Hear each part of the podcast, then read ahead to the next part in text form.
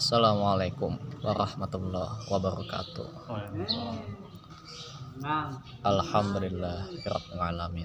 Dede siapa ini? Dede? Alhamdulillahillazi Siapa namanya? anzala ala abdihil kitab falam Anissa. yaj'alahu wajah. Ainul Oh, Ainul. Segala puji bagi Allah Subhanahu wa taala yang telah menguatkan kita dengan nikmat iman Islam. Hari ini. Sehingga alhamdulillah dengan izin Allah Subhanahu wa taala anak. kita dimampukan untuk bisa menjalankan sholat subuh berjamaah pada hari ini. Dan Allah pertemukan kita kembali dalam taklim subuh subuh rutin. Insya Allah semoga kita semua senantiasa istiqomah mengerjakan perintah Allah dan menjauhi larangannya. Dan semoga orang yang belum mendapat hidayah baik dari kalangan keluarga kita saudara Ya. kita sahabat-sahabat kita tetangga-tetangga kita atau mungkin orang-orang yang belum kita kenal Allah berikan hidayah kembali ke jalan yang diridhoi oleh Allah Subhanahu wa taala. Amin ya rabbal alamin. Salawat serta salam semoga tercurah kepada junjungan Nabi besar kita yakni Nabi Muhammad sallallahu alaihi wasallam beserta para keluarganya, para sahabatnya dan orang-orang yang senantiasa berjalan istiqamah di bawah naungan sunnah Nabi Muhammad wasallam hingga akhir hayatnya. Hari ini kita masih bersama kitab Riyadus Solihin karya Al-Imam An-Nawawi rahimahumullah taala. Semoga Allah merahmati beliau, keluarganya, orang tuanya, guru-gurunya, orang yang beliau cintai dan seluruh kaum muslimin di mana pun berada. Sebagaimana beliau pesankan kepada kita agar senantiasa mendoakan seluruh kaum muslimin baik di zaman ini maupun generasi berikutnya agar senantiasa Allah jaga iman Islamnya. Karena beliau sayang sama umat Islam. Hari ini kita masuk bab baru. Kemarin sudah jelaskan definisi secara bahasa apa itu takwa. Kali ini kita masuk ayat-ayat Allah Subhanahu wa taala yang membahas tentang takwa. Insya Allah semoga dengan ilmu dari yang berbicara dengan keterbatasan pemahaman. Kita bisa sharing belajar bersama mengenai masalah takwa. Hadirin Allah muliakan ayat yang pertama kali dicantumkan oleh Al Imam An Nawawi di bab takwa adalah surat Ali Imran ayat 102 ayat 102 ini ayat yang biasa kita dengar dalam khutbah Jumat. Ya ayyuhallazina amanu taqullaha haqqa tuqatih. Wahai orang-orang yang beriman bertakwalah kepada Allah sebenar-benar takwa kepadanya. Apa tafsir ayat ini kalau kita baca dalam tafsir Ibnu Katsir, tafsir Jalalin atau tafsir Al-Qurtubi, tafsir At-Tabari, kita akan menemukan sumber induknya dari Abdullah bin Mas'ud sehubungan dengan ayat ini. Nah, beliau menafsirkan yaitu dengan taat kepada Allah dan tidak maksiat terhadapnya. Selalu mengingatnya dan jangan melupakannya. Selalu bersyukur kepadanya dan jangan kufur terhadap nikmatnya. Riwayat tafsir ini dibawakan oleh Ibnu Abu Hatim. Lalu sanatnya ke Muhammad Ibnu Sinan, lalu ke Abdurrahman Ibnu Sufyan dan Syukbah, dari Zubaid al-Ya'mi dari Murah.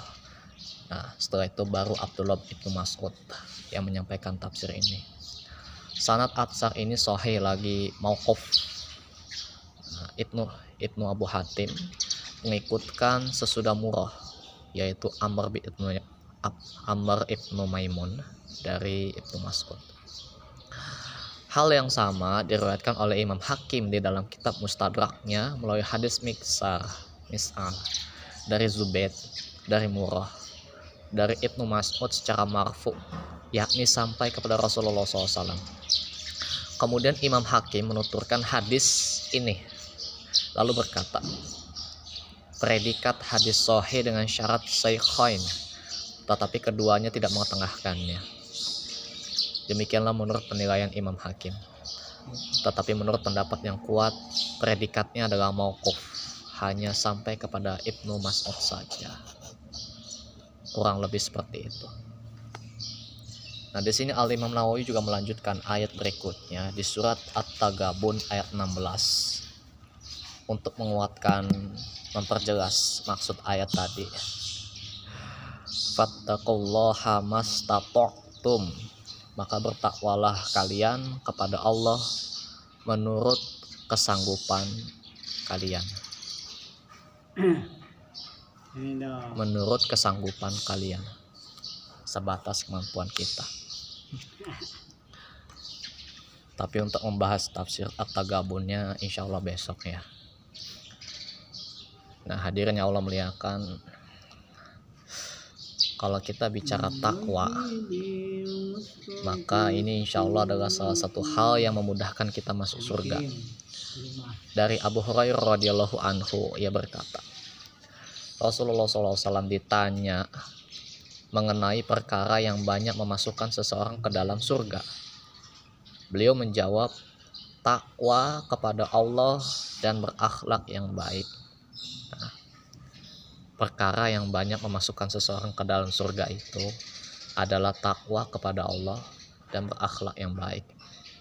Sebelumnya mungkin sudah dijelaskan definisi takwa menurut Hasan Al Basri itu adalah menjalankan perintah dan menjauhi larangan simple ya. Simple.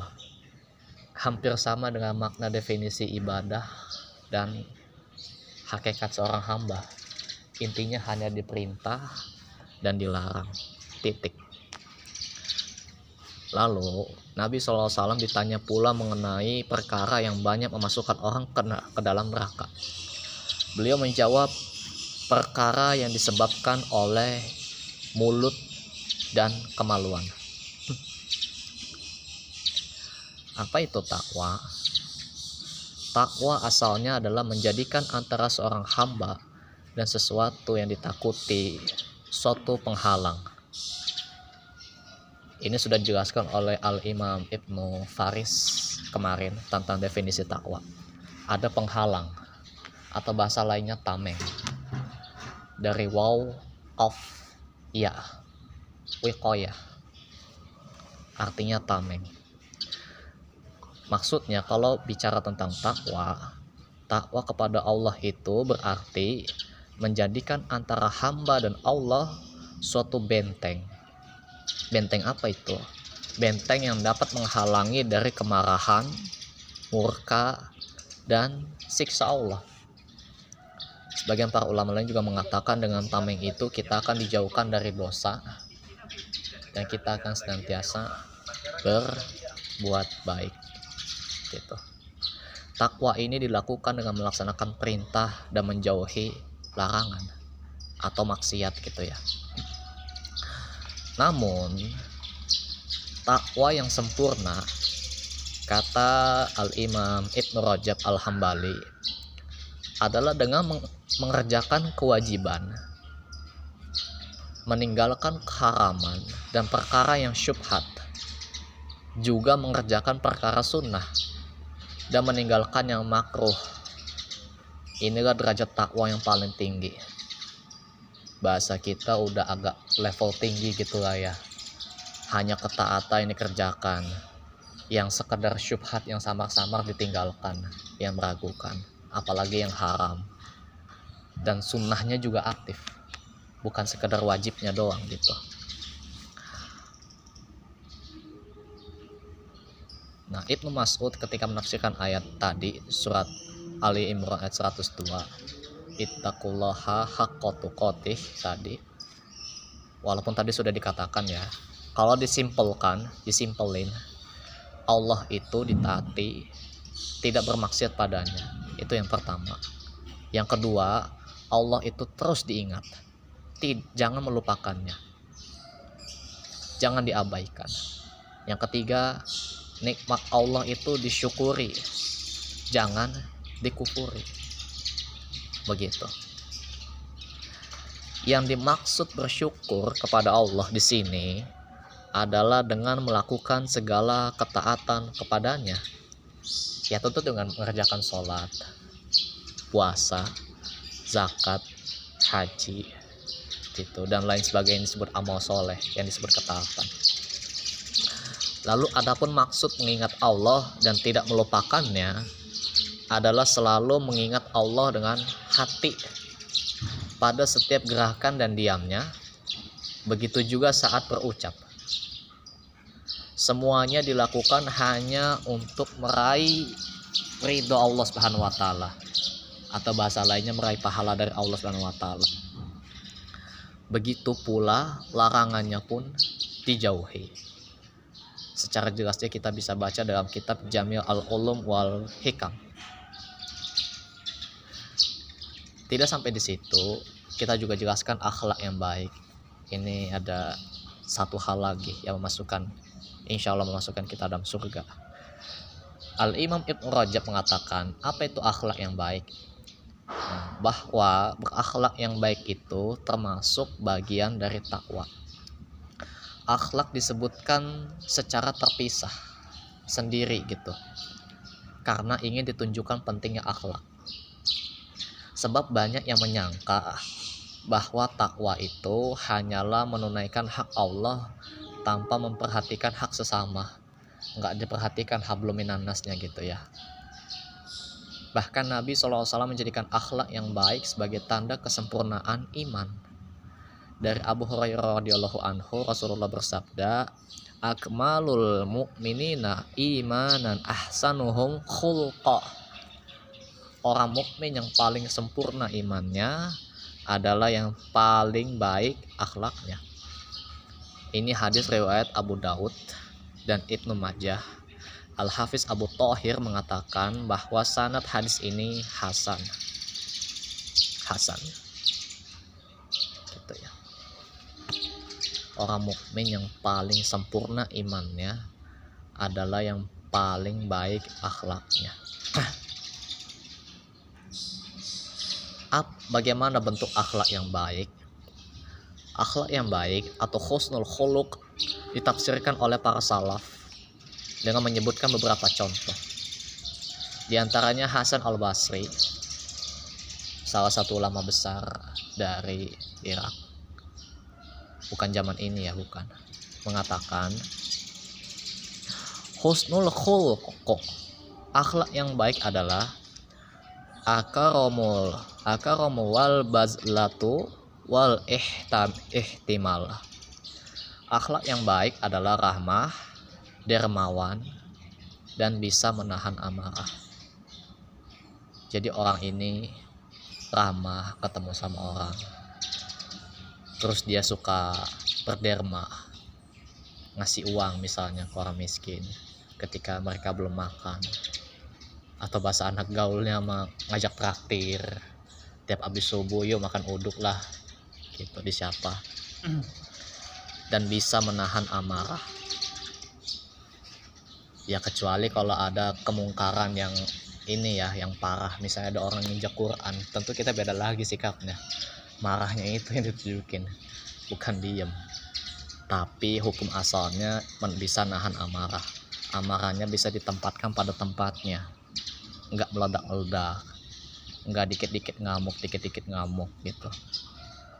Itu dari Hasan al Basri lalu Asyabi berkata bahwa akhlak yang baik adalah al bazlatu wal atiyatu wa bisyih bisyarul hasan bersikap dermawan suka memberi wa kana sya'bi kazalik dan memberi kegembiraan pada orang lain. Demikianlah Asyabi. Ia gemar melakukan hal itu. Jadi Asyabi ini mengatakan tentu udah sampai melakukan gitu.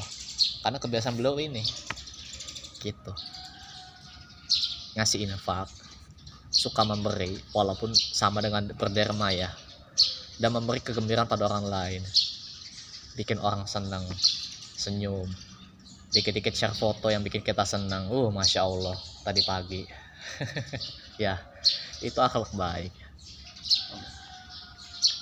nah al imam ibnu mubarak ini udah banyak ini dari para ulama yang ngejelasin tentang takwa dan juga akhlak Ibnu Mubarak mengatakan bahwa akhlak yang baik adalah huwa bastu wajhi bermuka manis maksudnya ramah. Wabazlul ma'ruf gemar melakukan kebaikan. Kalimat baiknya menggunakan kata ma'ruf. Ini mirip seperti prinsip amar ma'ruf nahi mungkar lah ya. Kita misalnya berangkat ke masjid ada orang yang asik-asik ngobrol kita ingatkan ayo pak ayo bu sholat dulu misalnya. Ya. Atau misalnya ada yang ngegibah eh jangan lupa ya datang ke kajian. Udah nanti dulu ngobrolnya. Gitu ya. Ma'ruf. Kalimatnya menggunakan kata ma'ruf. Kalau khair dari segi sifat ini langsung ke orangnya gitu. Wakaf full azah dan menahan diri dari menyakiti orang lain uh banyak ini definisi akhlak dari ulama nih banyak Imam Ahmad berkata, Husnul khuluqi an la tafdoba wala tahtadda. Akhlak yang baik adalah tidak mudah marah dan cepat naik darah. Sebetulnya hampir dua-duanya ini satu ini ya. Tidak mudah marah dan cepat naik darah wa anhu annahu qala Nah, beliau juga berkata, husnu khuluqi antah tamila ma yakunu minan nas. Berakhlak yang baik itu adalah bisa menahan amarah di hadapan manusia. Lalu ada definisi terakhir yang bisa disampaikan. Dari Ishak bin Rohuyah berkata tentang akhlak yang baik. Beliau cukup simpel hanya dua. Huwa bastul wajha bermuka manis wa an la dan tidak marah. Tidak marah. Begitu kurang lebih. Ada waktu tinggal berapa menit lagi kira-kira? Kalau kita lihat secara ini insya Allah 11 menit lagi. Tapi mungkin kita hanya pakai sekitar 5 menit lagi aja ya untuk sisanya. Untuk sisa waktunya. Kita serempet ke ayat berikutnya yang cantumkan al imam an-nawawi sekaligus tafsirnya. Fattaqullaha mastata'tum maka bertakwalah kalian kepada Allah menurut kesanggupan kalian. Sesuai kesangkupan kalian. Gitu ya. Kalau bicara kemampuan berarti secara fisik. Bukan secara hati lah ya. Tentukan ketika kita lagi sholat ada yang kakinya masih bagus kuat berdiri. Tapi ada juga yang nggak bisa ruku. Ada yang nggak bisa apa sujud ya itu kan sebatas kemampuan.